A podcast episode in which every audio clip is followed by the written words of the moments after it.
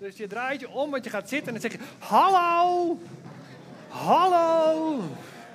Leuk dat je er bent.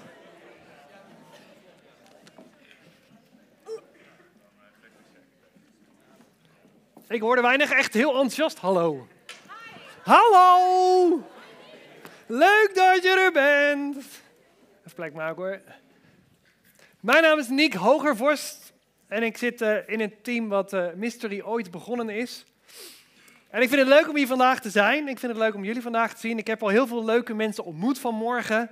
Ik heb de moeder van Bas gesproken. Ik heb Adam gesproken. Ik heb allemaal leuke mensen gesproken.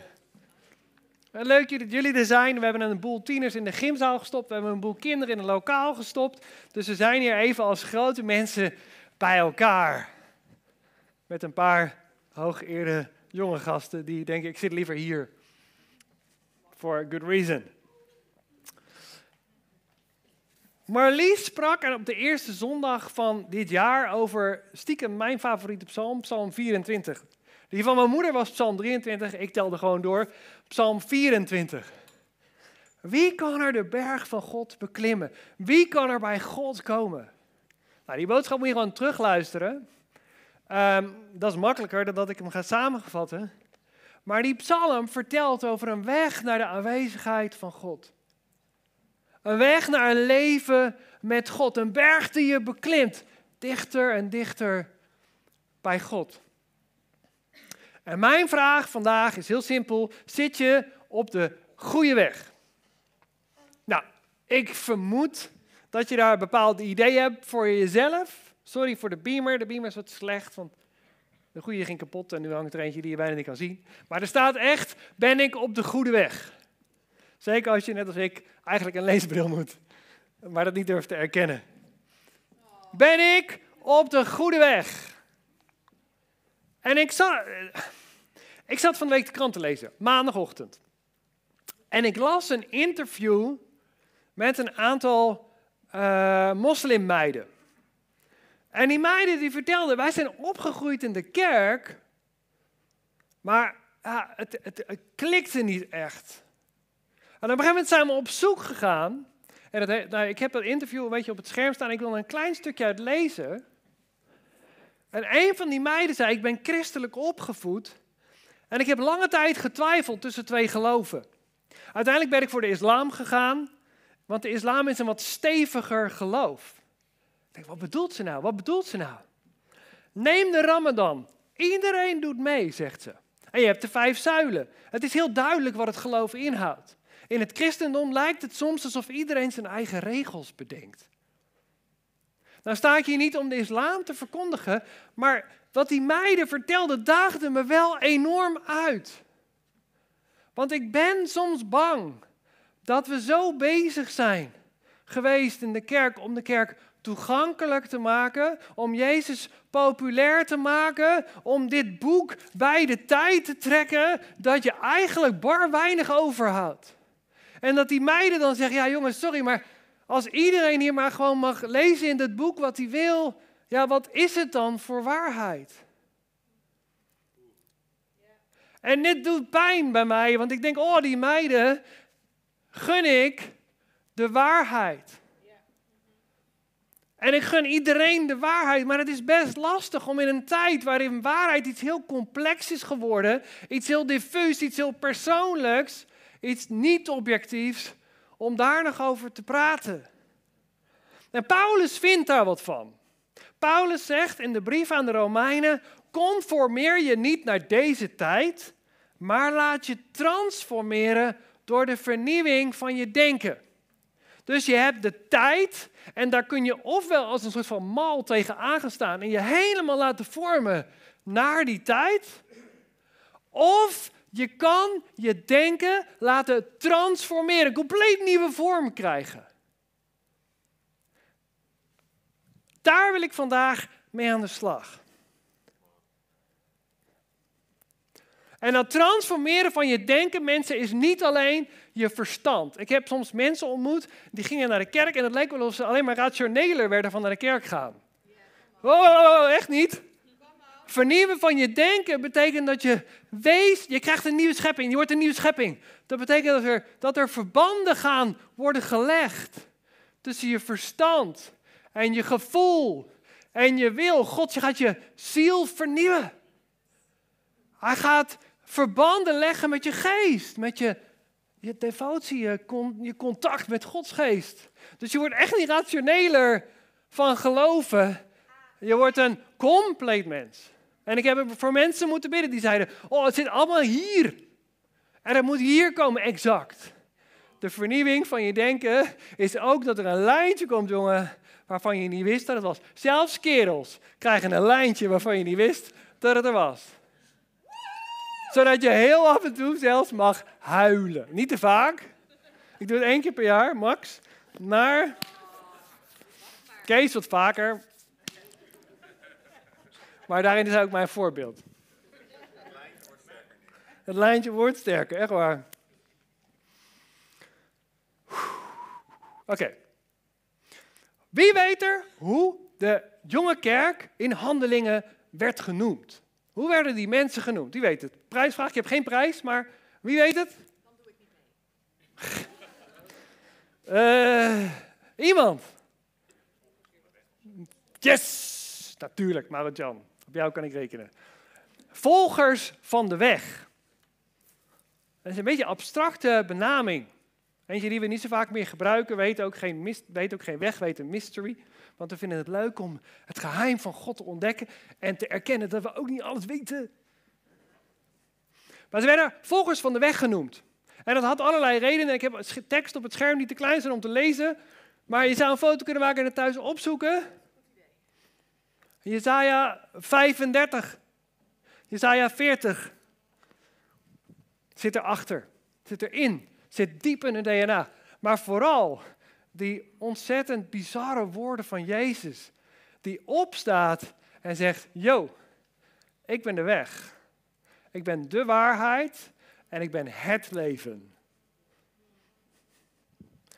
Er is geen andere weg om bij de Vader te komen, bij God de Vader te komen, dan door mij.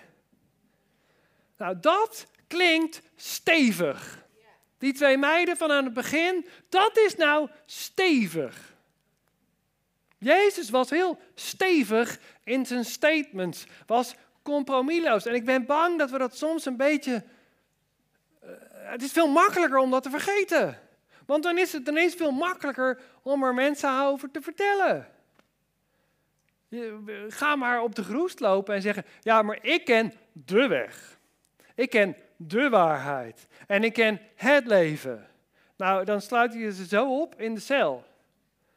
Hoe onverdraagzaam kun je zijn? Jezus, de weg. En mijn vraag aan jou is: ben je op de goede weg? En misschien vraag je je dat zelf ook wel eens af. Of misschien moet je stiekem erkennen dat je eigenlijk ook wel weet dat het nog niet helemaal denderend gaat. Je bent nog een beetje op zoek naar de goede weg. Of misschien kijk je terug en denk, nou, ik heb de goede weg niet gevonden. En kun je me alsjeblieft vertellen wat de goede weg is? Want het is een puinhoop. Maar, dat kan toch? No, nooit achterom gekeken dat je dacht, wow, wat een puinhoop. Ik weet het echt wel.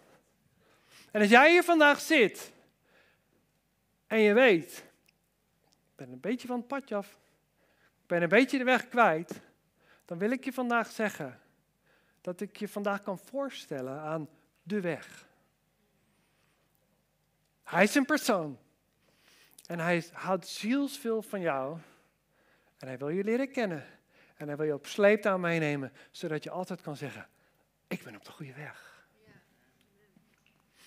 Jezus staat op en begint het verhaal te vertellen. Of eigenlijk, dit is midden in een hele lange een eh, soort van bijbelschoolsessie die hij aan het doen was.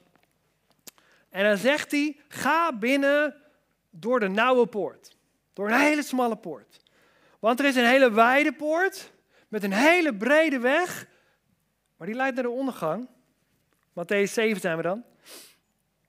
Er zijn veel mensen die die brede weg volgen. Maar hoe nauw is de poort en hoe smal de weg die naar het leven leidt? De berg op, waar God woont. En er zijn maar weinig mensen die hem vinden. Het is een heel kort stukje, het zijn maar twee versen. En als je vroeger naar de zondagschool ging, zoals ik, dan ken je dit verhaal. En ik had het verhaal eigenlijk niet meer zo goed gehoord. Want het is eigenlijk best wel een verhaal wat niet zo goed past bij de tijd waarin we leven. En als je erover nadenkt, dan merk je pas hoe eigenwijs en tegendraad Jezus was. Het is alsof iedereen die kant op loopt. En Jezus wil dan precies dwars door die menigte heen, de dwars de andere kant op. En dat is een beetje ongemakkelijk. Ik wil drie dingen eruit lichten. En ik leg er een nadruk op, omdat we heel goed moeten begrijpen dat er hier iets moet gebeuren. Dat ons denken moet transformeren. In het verhaal zie je dat Jezus twee keuzes geeft, heel binair. Je kan of die kant op of die kant op. Ik heb er een plaatje bij. Het is geen echt plaatje. Mels heeft dat met AI in elkaar te knutselen. Nee, niet deze. Iets met twee poorten. Kijk. Twee poorten. Dus Jezus zegt, je kan kiezen. Je gaat of door die hele grote daar, of je gaat door dat hele smalle poortje aan die kant. En het feit alleen al dat hij dat zegt, is natuurlijk helemaal niet hoe, wij, hoe de wereld om ons heen geloven ziet. Want jij zegt, je moet kiezen tussen, je hebt maar twee opties. je moet kiezen. Ja, maar wacht, geloof is toch een, meer een soort, ja, een soort extraatje wat je meeneemt in je reis. Ik bedoel, je doet gewoon een soort van spirituele add-on op je leven je plakt Jezus erbij en verder gaat je leven gewoon door. Als je serieus bent over het is of dit of het ander, dan klink je wel een beetje als een fundamentalist. Van mensen die helemaal een aparte weg willen. Helemaal een aparte groep willen. Waar zij de waarheid hebben. Dat klinkt als een fundamentalist. Jezus zegt, je moet ook kiezen. Dus ik heb er twee opties en je moet kiezen. Het is of het een of het ander. Maar nee, we leven in een tijd waarin alles draait om opties hebben. Keuzevrijheid. En op je gevoel je route bepalen. Je intuïtie. En dan zeggen mensen, als het goed voelt. Ik hoor mensen wel zeggen, als het goed voelt en je wordt er gelukkig van, dan moet het wel goed zijn. Of als er liefde is, dan moet het wel goed zijn. En jij zegt, er zijn maar twee routes. En je hebt weinig keus. Het is of de een of het ander. En ik weet wat het juiste is. Ik weet wat de goede weg is. Jezus zegt als de derde wat goed voor je is. En dat is ook ingewikkeld in deze tijd, want we bepalen toch zeker zelf wel wat goed is. We sturen onze kids naar school en dan gaan ze daar leren kritisch denken. Gaan ze zelfstandigheid leren. Kom op.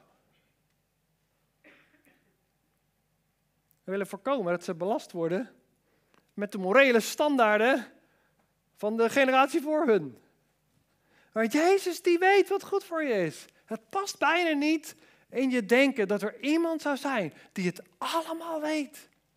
In een tijd waarin we zo gewend zijn om zelf te zoeken en zelf na te denken en alles op tafel te gooien en dan te kiezen, nou, dat past bij mij. Of dat past bij mijn levensweg. Of dat past in mijn wereld.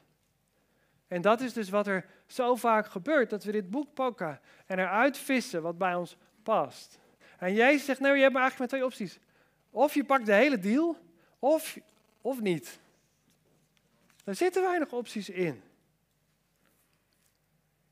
En waarom leg je hier zoveel nadruk op? Omdat we moeten begrijpen dat Jezus wil spreken in ons leven. We hoeven niet te proberen dit boek relevant te maken.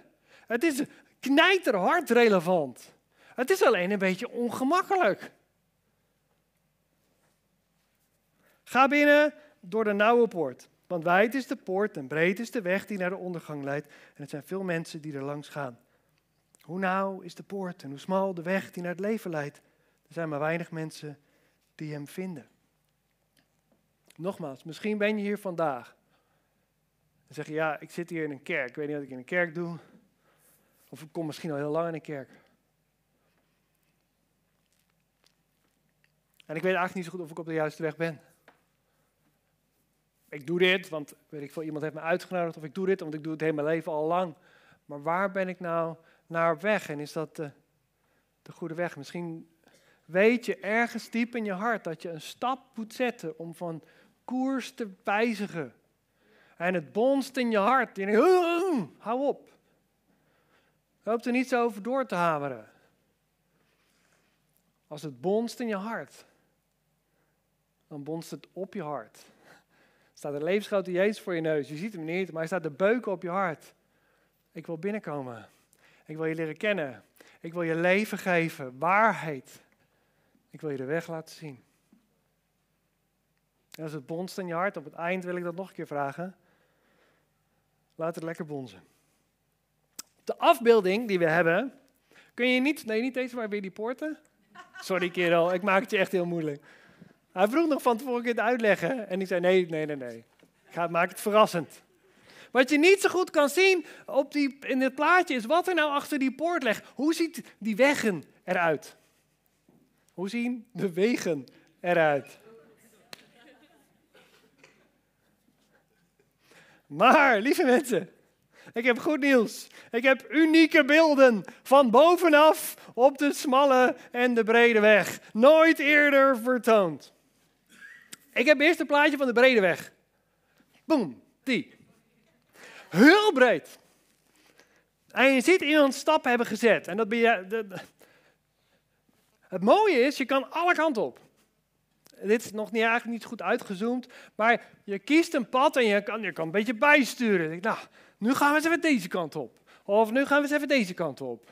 Ik heb, uh, ik heb ik bedoel, als je je carrière plant, wie plant er nou zijn carrière? Je carrière, ja, Marlies wel, maar de rest van ons, wij, je loopt gewoon een beetje en dan af en toe probeer je oh, dat is het niet, of dat is het niet.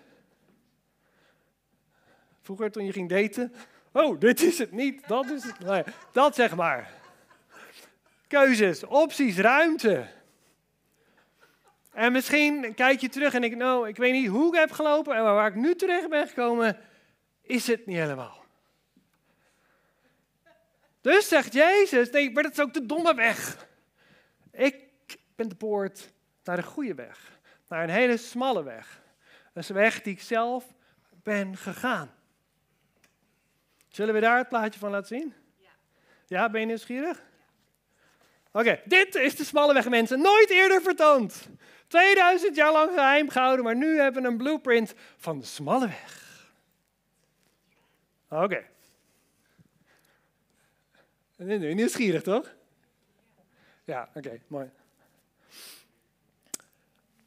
Daar helemaal onderin, op dat pad, zie je twee cirkels. Toch? Oké, hier komt de legende, de uitleg. Vlak voordat Jezus ging sterven, ging hij naar een tuin. En hij nam zijn discipelen mee en zei, jongens, bid met me mee, maar dat, dat mislukt een beetje.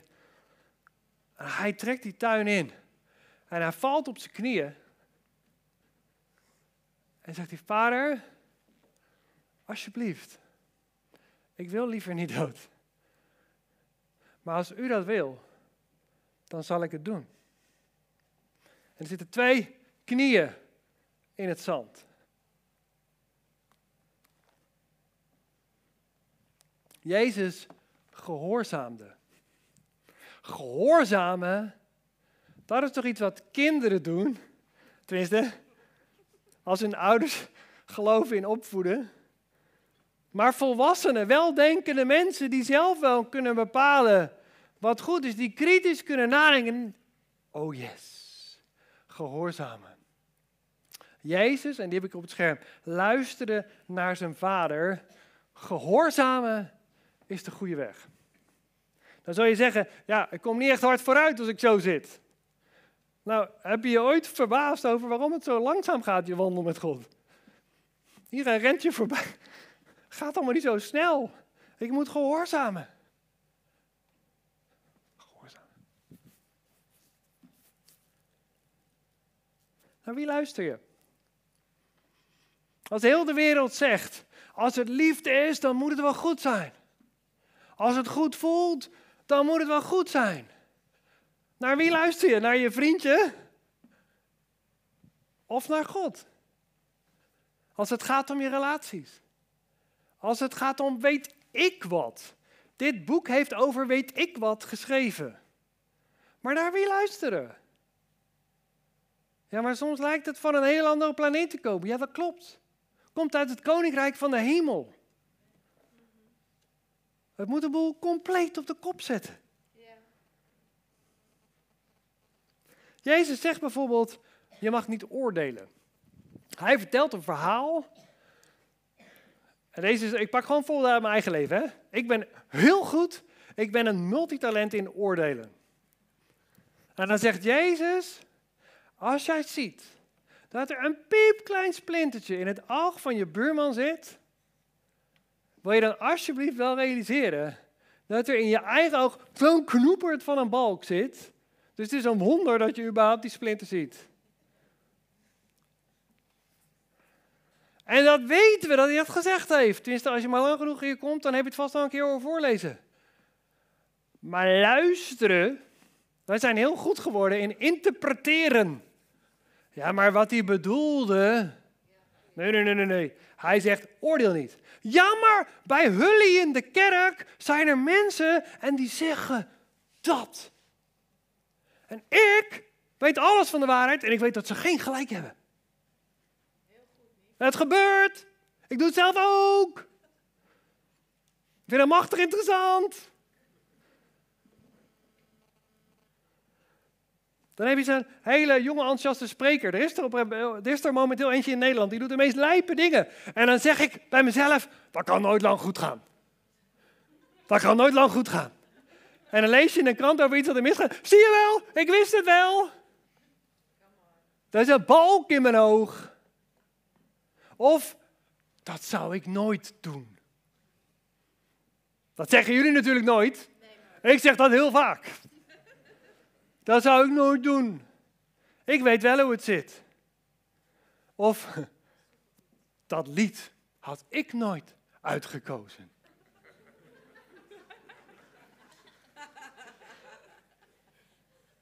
Dat, lieve mensen, heet oordelen. En daarvan zei Jezus, doe het niet. Ja, maar ik weet het over weten. Op je knieën, luister nou gewoon. En doe wat hij zegt.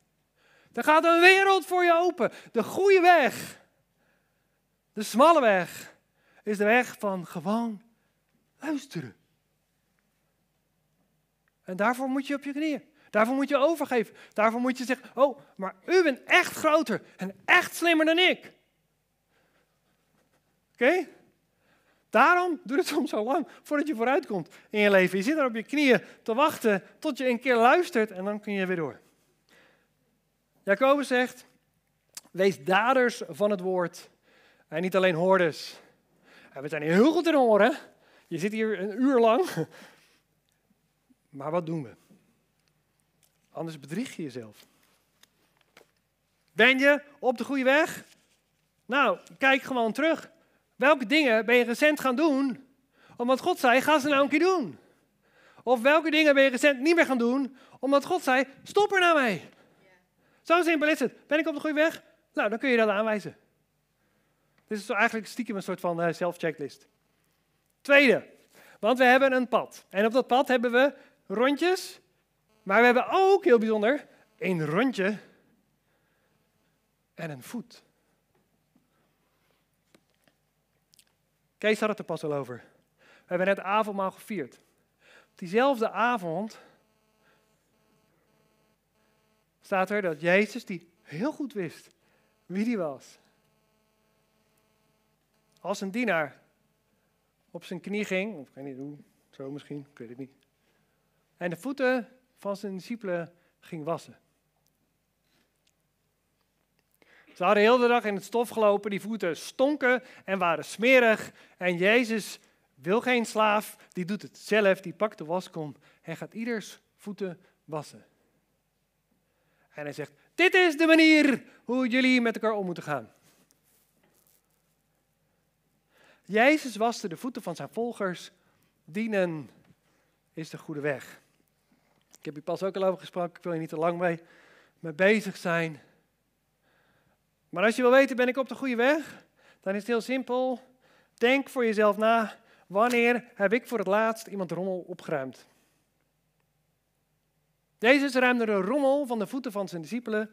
Wanneer heb jij voor het laatst iemand anders rommel opgeruimd? Ik had vorige week kinderwerk. Ik heb vorige week kots opgeruimd. Heerlijk. Misschien heb je vorige week het bad van, van eh, ons doopbad opgeruimd. Vorige week in de sneeuw hebben we hier vijf jonge mensen en, en ja, gedoopt. ja, ik, ik bedoelde dus dat Jaap een hele jonge, vibrant kerel is. Maar nee hoor. We hebben hier vijf jonge mensen gedoopt. En daarna moest dat weer opgeruimd worden. Het was nog steeds koud. Wanneer heb jij voor het laatst de rommel van iemand anders opgeruimd? Misschien werk je in de zorg. Dan doe je dit voor een living. Hulde. Want dit is deel van de smalle weg. En als je dus niet in de zorg werkt, dan moet je het dus hier heel veel doen.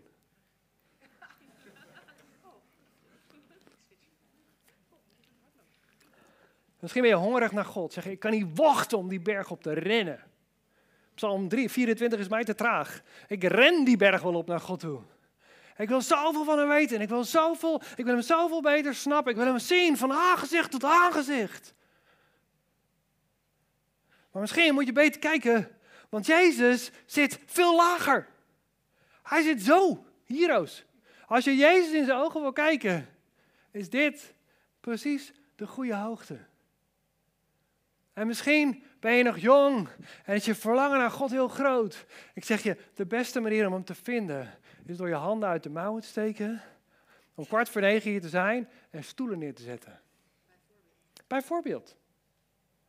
Want elke stoel die je neerzet is een kans voor iemand om hier te komen en God te vinden. Of voor jezelf om hier te komen en God weer opnieuw te vinden.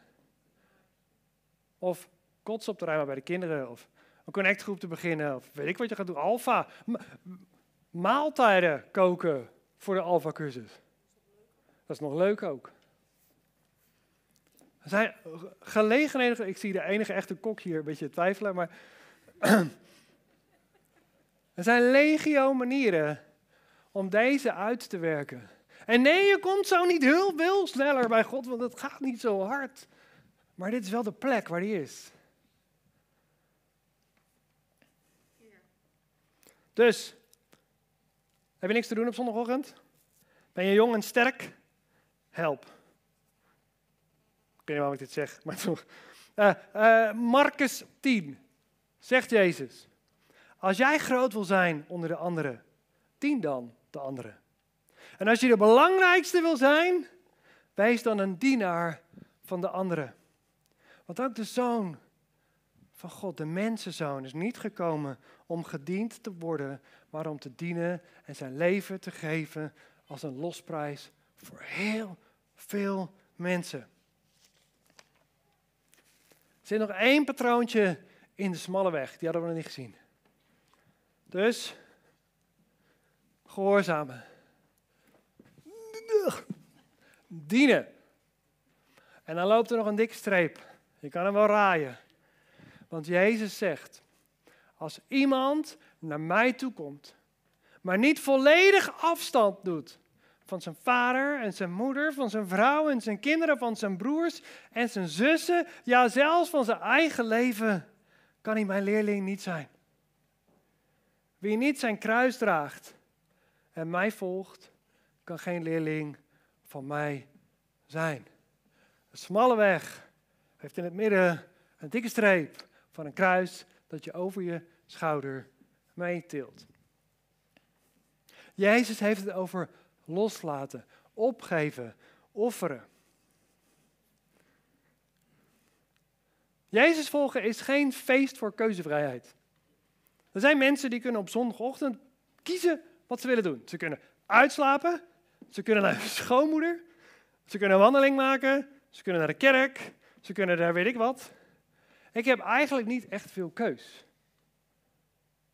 Ja, natuurlijk, ik kan kiezen voor mijn schoonmoeder. En dat is heel verleidelijk.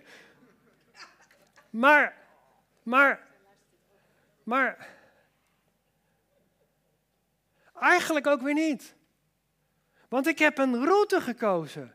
Ik zei, ik wil door die smalle poort. Ik wil die berg op, ik wil bij God komen. Dus vaarwel uitslapen op zondag, want ik weet wat ik wil. Ik wil bij God zijn. Ik wil hier zijn op een zondag om Hem te aanbidden. Vooral als ik er geen zin in heb. Want dan moet ik het zeker weten doen. Laat niet zondagochtend je emotie bepalen of je komt of niet. Je emotie is geen goede raadgever op zondagochtend vroeg. Op sommige momenten wel, maar dan zeker niet. Concreet voorbeeld. De wereld om ons heen zegt: zorg dat je financieel onafhankelijk bent. Dat is misschien wel het summum van hoe je je financiële wereld kan inrichten. Maar wat zegt Jezus? Die zegt: geef weg en maak je helemaal afhankelijk van mij. Dat is iets anders dan dat je dan, oké, als je net bent als ik, heb je een Excel-sheet en daar staan je centen in. Sorry, zo ben ik nou eenmaal. En dan heb je dan, wat komt er binnen en wat gaat er weer uit? En dan heb je ook ergens een tabblad en daar staat dan hoe dat balanst. En dan staat er bedrag X. Ik denk, nou, van bedrag X kan ik wat dingen doen en ik kan wat weggeven. Maar dat is niet volledig afstand doen waar Jezus het over had. Dat is geven van je leftovers. En superleuk leftovers, maar dat is iets anders dan een kruis opnemen. Kijk, je moet dat zien als. Er zit een kruis op je schouder en aan dat ding plak je al die dingen waar je afstand van neemt. Dus zondagochtend uitslapen hangt eraan. Maar ook mijn financiële wereld.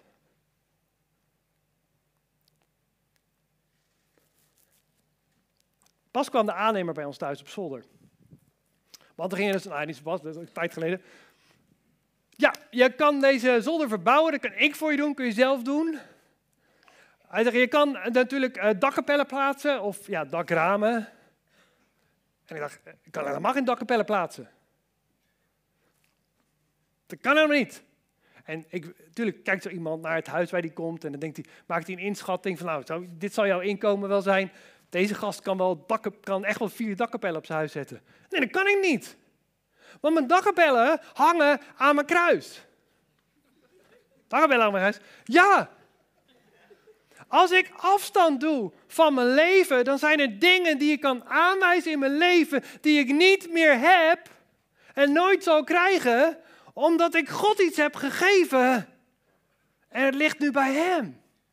Dus ik kon geen dakkapellen plaatsen, want God had te veel geld voor mij. En weet je het goede Niels? Dat geld was toch al van hem. Dus ik heb dakramen. en ik ben heel trots op. Want ik weet dat de rest van het geld staat op Gods bankrekening. En als God op de bankrekening heeft, kan hij er hele leuke dingen mee doen.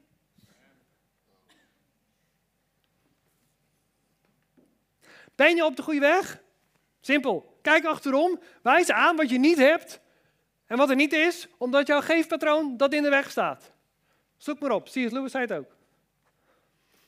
Sorry, dat ging te snel. Maakt niet uit. En eigenlijk is dit allemaal nog maar klein bier. Ik zat vrijdag in de krant te lezen. Ik lees hem elke dag. En er was een interview met Youssef, moet ik het goed uitspreken, Ouramane uit Algerije.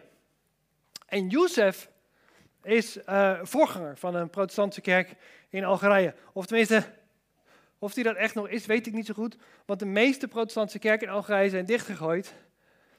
En de meeste voorgangers van die kerken hebben een celstraf gekregen. Ook Youssef. Youssef vecht hem aan. Het was eerst twee jaar. Nu is het één jaar. Dat is hij weer aan het aanvechten. Daarom was hij pas in Nederland. En waarom heeft hij een celstraf? Omdat hij voorganger was.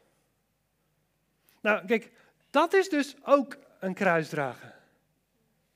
Dat is dadelijk misschien een jaar van zijn vrijheid die hij aan zijn kruis heeft gespijkerd. En weet je wat hij zei? Je moet Gods wil in je leven accepteren. Dat is wat hij zei. Dat was zijn les. Je kruis opnemen. Ben ik op de juiste weg? Kijk maar achterom. Wat hangt er allemaal aan je kruis? Wat heb je recent nog aange, aangehangen? En het wordt zwaarder en zwaarder en zwaarder. En je komt er. Jongens, we hebben toch de eeuwigheid. Tijd zat. Geen haast. Geen haast. Lekker, lekker gehoorzamen. Ja, maar dat doet pijn. Dit wil ik echt niet ontvangen. Dit woord. Is er niet een of andere relevante uitleg voor die me een, een, een ticket geeft? Dienen.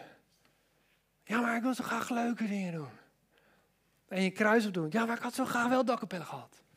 Nou, lekker dan. Hang ze, maak een foto van een dakkapel. Hang die in je huis. Yes, dat is mijn offer. En dan heb ik het nog niet eens gehad over wat er onderweg kan gebeuren. Want je loopt die smalle weg en je doet je best en je. Maar af en toe komt de storm. Af en toe komt de storm en af en toe komt de regen in je gezicht en af en toe gebeuren er hele heftige dingen. Ik was 23, ik zeg het regelmatig, toen mijn moeder overleed. Soms gebeuren er dingen in je leven en dan loop je echt op de juiste weg. Maar toch rammelt het aan alle kanten. We net nog een verhaal erover. Ik dacht dat als ik Jezus volgde, alles mazzel gaat. Alles lekker loopt. Nee, nee, nee, nee, dit loopt toch helemaal niet lekker? Probeer dat maar eens, vijf minuten lang. Ik wil het zo wel zien. Het loopt helemaal niet lekker.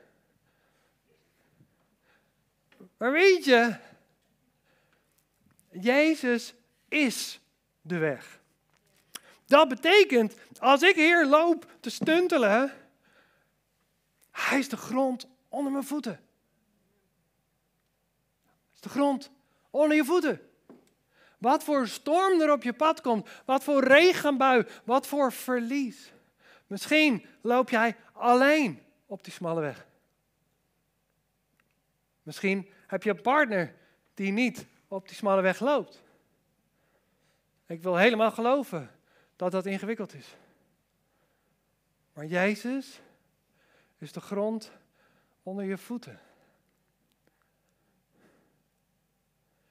En steeds weer. Raak af en toe een beetje van het padje af. Oeps, sorry God. Zo klauteren op Psalm 24, de berg van God op, in zijn aanwezigheid. Ik ben heel nieuwsgierig. Kijk, die meiden aan het begin hadden het over, ik wil een stevig geloof. Dit is een stevig geloof. Ik wandel op de weg. Mijn voeten staan stevig. Want Hij is de grond onder mijn voeten. En misschien zit je hier vanmorgen en zeg je, ja, ik, ik, ik, ik moet volgens mij mijn koers veranderen. Volgens mij moeten we even een andere kant op gaan. Want ik kan kiezen. Maar ik heb het idee, pas, pas, pas, pas. Want ik heb het idee dat ik mijn koers moet gaan verleggen. Ik kan kiezen, zei Jezus, tussen twee poorten. En ik weet wel welke poort ik nu loop. Ik kan alle kanten op, ik heb alle ruimte, maar ergens voelt het niet. Alsof ik op een goede weg ben. Het voelt een beetje verdwaald.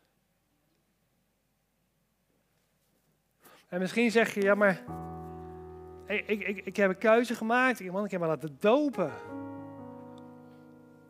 Ik ben onderweg, maar het is best af en toe ingewikkeld. En hoe, hoe pas ik dat allemaal in mijn leven? Dienen en gehoorzamen en mijn kruis opnemen. Elke zondag is een moment om weer opnieuw voor jezelf die toewijding te maken. En te erkennen voor Jezus. Jezus, ja maar ik, ik loop achter u aan. Ik volg de weg die u liep. U bent de grond onder mijn voeten. En wat voor storm er ook komt en wat voor pijn er diep van binnen ook leeft. Dank aan het getuigenis. Dit is wel de route die ik wil volgen, want ik weet dat dit de enige weg is.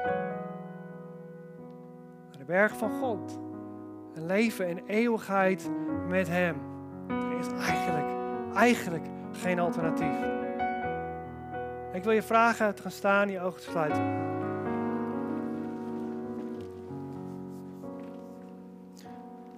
En dat jij vanmorgen weet.